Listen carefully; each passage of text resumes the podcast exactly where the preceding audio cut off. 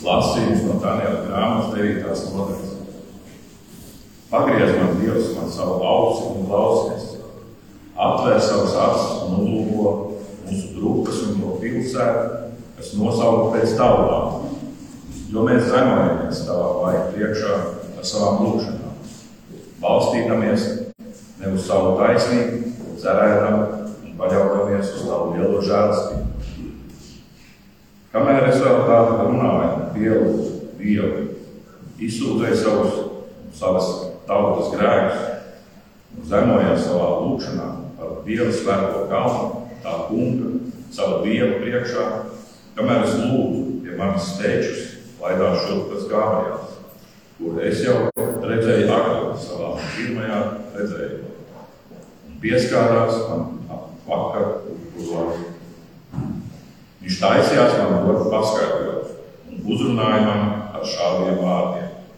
Daniel, es esmu jau ieradies, lai palīdzētu tev nākt pie īstās lietu izpratnes. Kad tu iesāki Dievu lūgt, man atklājās Dieva vārds, un es ierados, lai tev dotu ziņu, jo tu esi īpaši iemīļots vīrs. Tad nu ņem vērā šo vārdu, lai tev šī atklāsme būtu pilnīgi saprotama. Ir nolēmts par tavu tautu un tavu svēto pilsētu, jo tam 70 nedēļu laika, lai apliecība izbeigtos, grēka mēsta, te tatu pilns, lai izpirktu un salīdzinātu pārkāpumus un panāktu mūžīgu taisnību, lai piepildītos praviešu skatījumu un pasludinājumu par nākotni un lai izsvaidītu vissvētāko. Tā kunga vārds. Pateicīgi. Pāvila vēstules korintiešiem 9. un 10. nodaļas. Vai nezināt, ka skrēja stadionā gan visi skrien, bet tikai viens dabū goda algu? Skrieniet tā, ka jūs to dabūjat. Kas piedalās sacīkstais, tas ir atturīgs visā. Viņi tāpēc, lai dabūtu iznīcīgu, iznīcīgu vaigu, bet mēs neiznīcīgu. Tātad es skrienu nekā uz ko nezināmu, es cīnos nekā gaisus izdams. Bet es norūdu un kalpinu savu miesu, lai citiem sludinādams pats ne, nekļūstu atmestams. Brāļi, es gribu jums atgādināt, ka mūsu tēvi ir visi bijuši apakšdebešu, un visi gājuši cauri jūru, un visi padebesī uz jūrā, uz mūzu kristīti un visi baudījuši to pašu garīgo barību, un visi dzēruši to pašu garīgo dzērienu, jo tie dzēra no garīgās klints, kas tiem gāja līdzi, bet šī klints bija Kristus. Bet uz lielāko daļu no viņiem dievam nebija labs prāts. Tie izdeldēti tuksnesī. Tas ir noticis. Mums ir brīdināšanas zīme, lai mēs neiekārojam ļaunu, kā tie ir darījuši. Tā kunga vārds - pateicība Dievam. Lasījums no mūsu kunga Jēzus Kristus evaņģēlija, ko uzrakstījis svētais Matejs 20. nodaļā, sākot ar pirmo pantu. Debesu valstība ir līdzīga nama saimniekam, kurš agri no rīta izgāja nolīgt strādnieku savā vīna dārzā. Vienojies ar strādniekiem par denāriju dienā, viņš nosūtīja tos uz savu vīna dārzu. Tad izgājis ap trešo stundu, viņš ieraudzīja vēl citus tirgus laukumā dīkā stāvā. Arī tiem viņš sacīja: Ejiet arī jūs uz vīna dārzu, un es jums maksāšu, kas pienākas. Un tie aizgāja. Atkal izgājis ap sesto un devīto stundu, viņš darīja tāpat, bet ap 11. stundu izgājis, viņš ieraudzīja vēl citu stāvam, un tiem jautāja, Kādēļ jūs visu dienu šeit stāvat dīkā? Tie viņam atbildēja, neviens mūs nav nolīdzis. Tad viņš tiem sacīja, ejiet arī jūs uz vīna dārzu. Kad vakars pienāca, vīndārza saimnieks sacīja savām uzraugām, pasauc strādniekus un izmaksā viņiem algu, vispirms pēdējiem, tad pirmajiem. Tad tie, kas bija atnākuši ap 11. stundu, saņēma katrs pa denārijam, kad tie pien, kad pienāca klāt pirmie, tie cerēja saņemt vairāk. Bet arī viņi saņēma pa denārijam. algu saņēmuši, tie sāka kurnēt pret nama saimnieku. Šie pēdējie strādāja tikai vienu stundu, bet tu tos esi pielīdzinājis mums, kas visu dienas smagumu un svēlmi esam nesuši. Bet viņš atbildēja vienam no tiem: Mans draugs, es tev nenodaru pārestību, vai tad tu nevienojies ar mani par denāriju? Ņem, kas ir tavs un ej, bet šiem pārējiem es vēlos dot tikpat, cik tev, vai tad es nedrīkstu darīt ar to, kas ir mans, ko vien gribu? Vai arī tava acs ir skaudība, ka es esmu labs? Tā pēdējie būs pirmie un pirmie pēdējie. Tā kunga evaņģēlīs. Mēs lūdzām, kungs, ka tu nāc ar savu svēto garu un atver mums tavu vārdu, tavā patiesībā, jo tavi vārdi ir patiesība. Āmen. Lūdzu, sēdiet.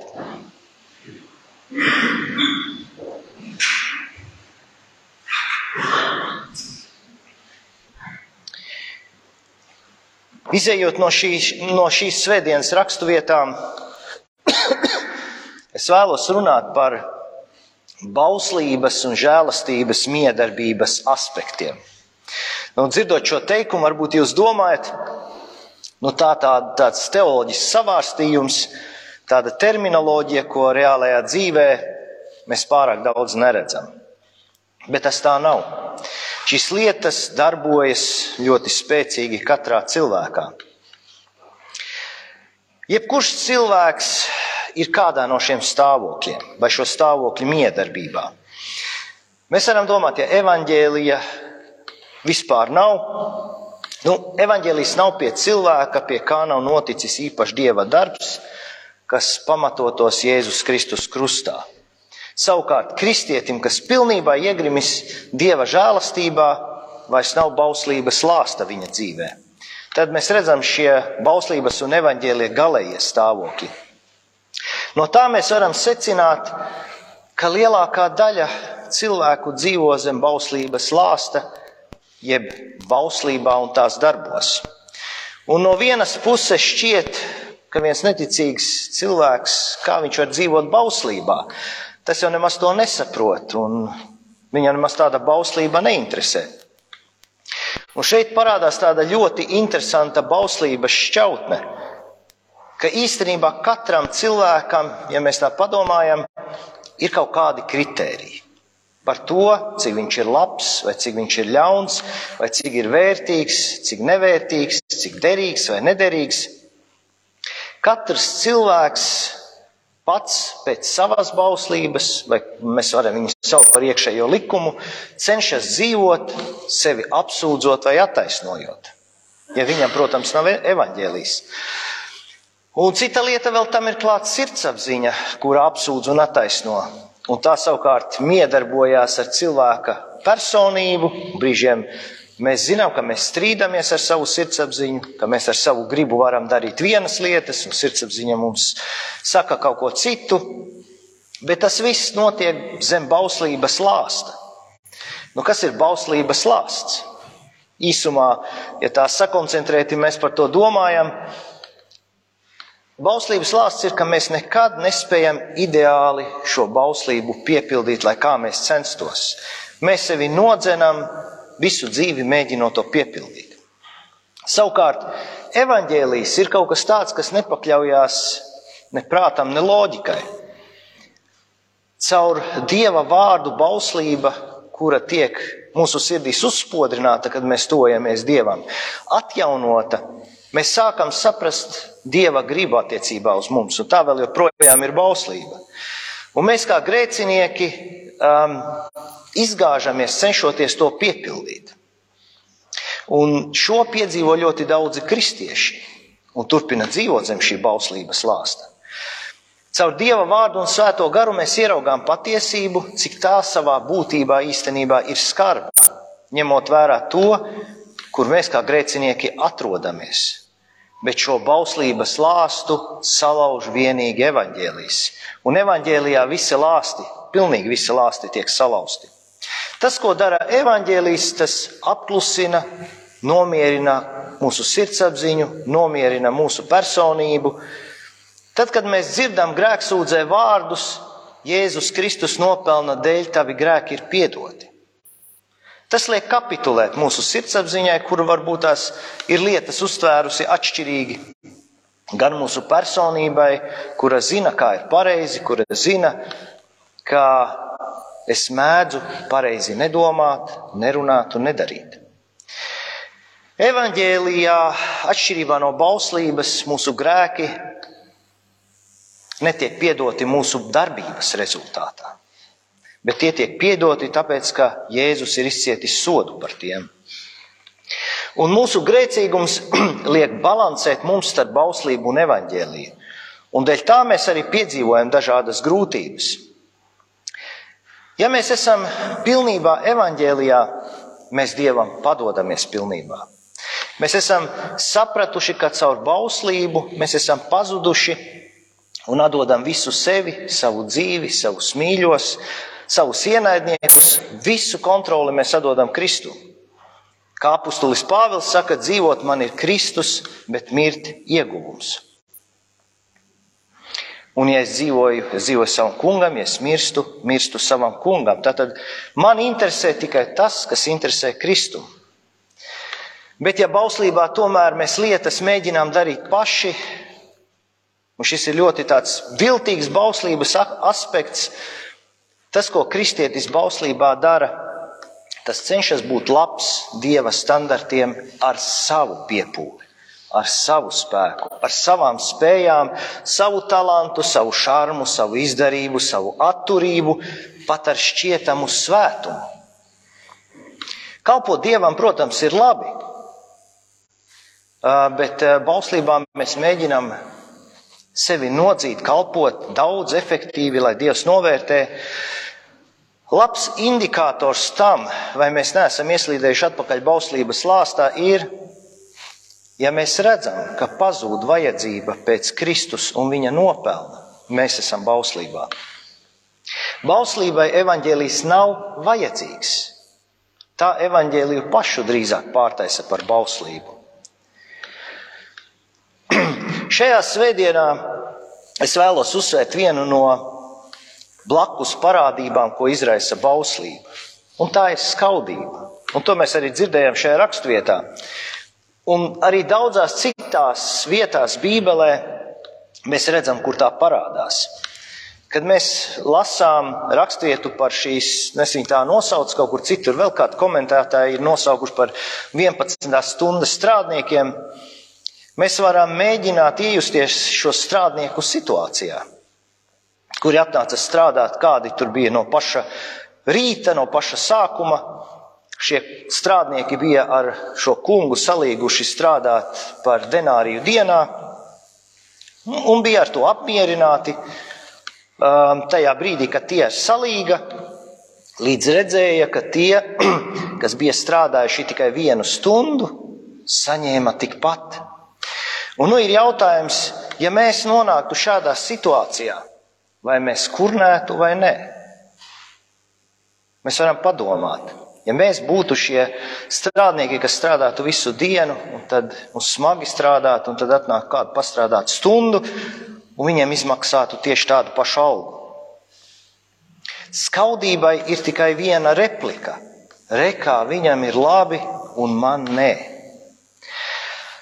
Skaudība īstenībā ir tāda, kas atņem prieku par to, ka mēs vispār esam dabūjuši darbu un saņēmuši algu.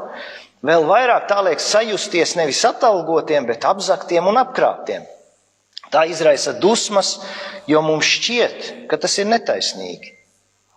Un Jēzus šajā līdzībā uzsver to, ka kungs šiem pirmās stundas strādniekiem pārestību nav darījis bet bijis ar atvērtu sirdi dot tikpat tiem, kas nebija pelnījuši. Tas ir evaņģēlijs. Tātad nav notikusi objektīva netaisnība, bet skaudība neobjektīvi to liek just. Šeit ļoti mēs varam redzēt šo bauslības un evaņģēlīja aspektu ka tas, kas dzīvo bauslībā, ieraugot citu brāli vai māsu, kas dzīvo evaņģēlijā un bauda tās labumus, tur skaudība ir neizbēgama. Te vēl varētu runāt kādu citu reizi par mazvērtību, kur ir kā vāks šai skaudībai.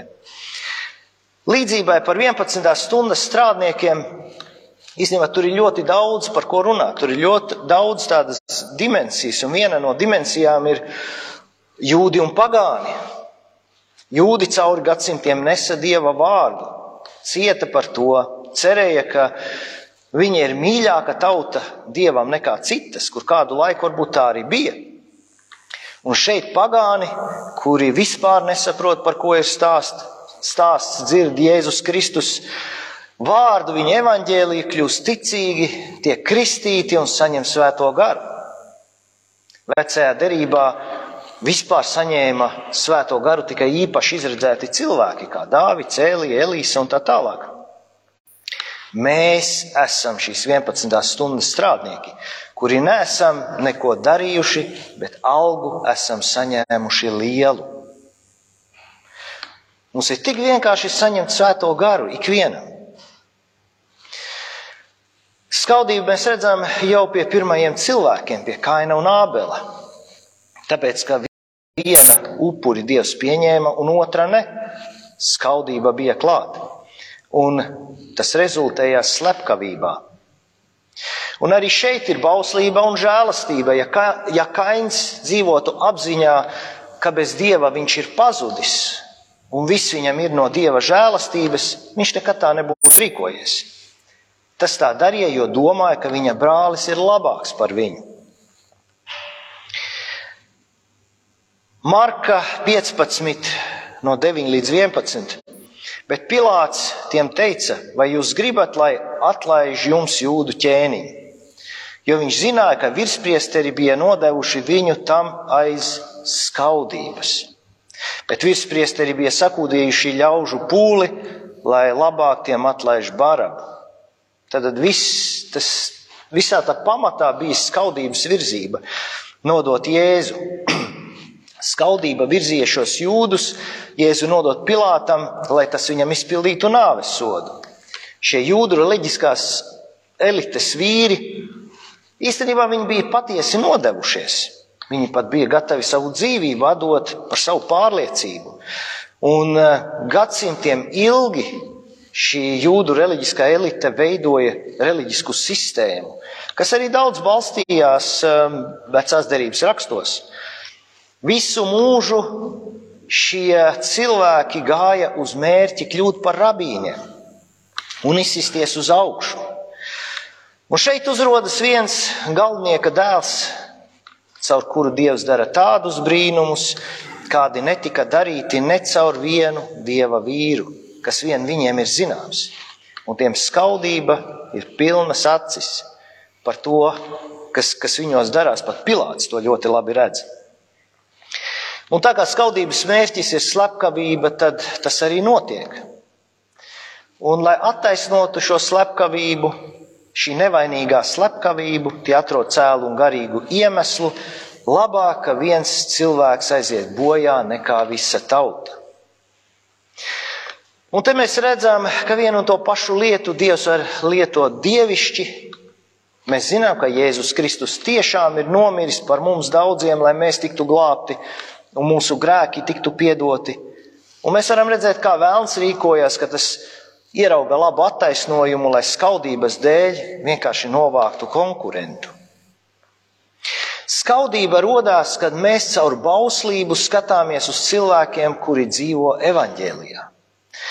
Kad mēs esam strādājuši, centušies, sev lieguši, cietuši pieticību, norījuši pārestības, un tagad, tagad mēs gaidām labu atalgojumu par to. Un te uzrodas kāds skrandainis, balamute, palaidnieks un dabū vairāk no dieva svētības nekā mēs, tik smagi strādājot, tik smagi piepūloties. Nu, tur ir skaudība uz līdzenas vietas dusmas uz Dievu, dusmas uz šo cilvēku, kurš tiek svētīts. Šī skaudība īstenībā ir ļoti viltīga un daudzslāņaina. Un eh, varbūt, ka mēs, jā, mēs varbūt par to nerunājam, bet mēs kaut kādā brīdī viņu izjūtam. Un kalpojot cilvēkiem ar atbrīvošanu, ir Šī skaudība pat tāda, ka cilvēks nesaprot, no kurienes viņa uzrādās. Ka viņi vienkārši ir klāti vienā brīdī, viņa nav, nav, tad viņi uzrādās. Um, un cilvēks ir nelaimīgs. Viņš nezina, ko ar šīm sajūtām darīt. Viņš varbūt pretojas, kādi pretojas, kādi nē, bet uh, šāds cilvēks arī neko tai skaudībai nevar izdarīt. Es teiktu, ka tur ir vajadzīga atbrīvošana, jo šādā situācijā un tādā stadijā tur ir dēmons, kas šo skaudību izraisa. Un tas visticamākais ir mantots dēmons, kas iet no paudzes uz paudzi. Jo cilvēks, kas um, nav piedzīvo šo skaudību, viņš nav piedzīvojis precedentu, caur ko šī skaudība ir ienākusi. Bet tur, kur tas sākās, tur ir bijis kāds precedents. Un tas var izvilkties ar dažādām sekām cauri paudzēm, kā piemēram mīlestības trūkums, vienkārši mīlestības trūkums. Vecāki, piemēram, šķiro bērnus, ir ģimene favorītisms. Ka viens bērns ir vairāk mīlēts par otru, tur radās sāncensība, sacensība ģimenē. Vienmēr jābūt pirmajam, vienmēr jāuzvar. Beznosacījuma mīlestības trūkums no vecākiem. Ka šī mīlestība tika nopelnīta ar labiem darbiem, labu uzvedību, sasniegumiem. Un te var minēt un minēt ļoti daudz lietas, kas skaudību izraisa, bet par pamatu tam visam ir bauslība. Mēs, kristīgā draudzene, nevaram pieļaut, ka mūsu vide kļūst skaudībai par labu augsni. Bet to nevar citādi panākt, kā vien turēties pie evaņģēlīja principiem, ļaujot evaņģēlījiem ienākt mūsu sirdīs un mūsu dzīvēs. Um, atbrīvošana no skaudības arī ir evaņģēlijs, jo cilvēks var tikt atbrīvots tikai un vienīgi pamatojoties uz to, ka Jēzu Kristu viņa grēki ir piedoti. Savādāk tas nekā nenotiek. Un dzīvojot evaņģēlijā, mēs redzam cilvēku ar lielu ta talantu, spēcīgām dāvanām, un tas mūsos īstenībā izraisa prieku, jo to ierosina Dievs, un tas ir dāvāts mums, visai draudzē un mums personīgi, ja kādam no mums ir kāda dāvana, jeb kādā lietā. Savukārt cilvēks, kam ir šīs dāvanas, dzīvojot evaņģēlijā, nepacels sevi pār citiem, jo viņš pats sevī tās dāvanas nav radījis un ģenerējis, bet Dievs ir devis tās, lai mēs ar tām pazemīgi kalpojam. Un šādi rodas spēcīga, mīloša un evaņģēliskā vide. Un pat tad, ja cil, kāds cilvēks ienāktu ar skaudību tajā iekšā, viņš saņems mīlestību, kalpošanu, brīvību, vai arī neizturēs un aizlaidīsies. Es domāju, ka skaudība ir viena no lielākām problēmām mūsu valstī, jo tā nekam neļauj attīstīties. Līdz ko kādam izdodas pacelties, pārējie to noēd un izputina. Un katrs mēģina saraut tikai sev, lai klusībā sēdētu uz saviem labumiem. Un tā nav tikai mantkārība. Tur ir ļoti daudz skaudības, jo, jo tā iet iznīcināt cita prieku un laimi citādāk pašam laimes nav. Skaudība ir dēmons, tas ir jāatcerās. Skaudībai patīk, patīk, ka tā tiek maskēta, slēpta, paturēta, ka tai tiek kalpots. Skaudībai patīk, ka cilvēks izpilda visas tās iegribas, un tad tā dod pretim prieku un gandarījumu par cita cilvēka nelaimi, neizdošanos un citu cilvēku bēdām. Neļausim šim dēmonam izpostīt mūsu vidi, mūsu tuvāko dzīves un mūsu dzīves. Neļausim te izpostīt mūsu draugus un valsti. Bēgsim iekšā Jēzus Kristus evaņģēlijā, kas atbrīvo, samīļo un apdāvina. Veidosim ap sevi evaņģēlisku vidi, kur skaudība nespēja izdzīvot. Lai Dievs uz to mūs svētī. Āmen!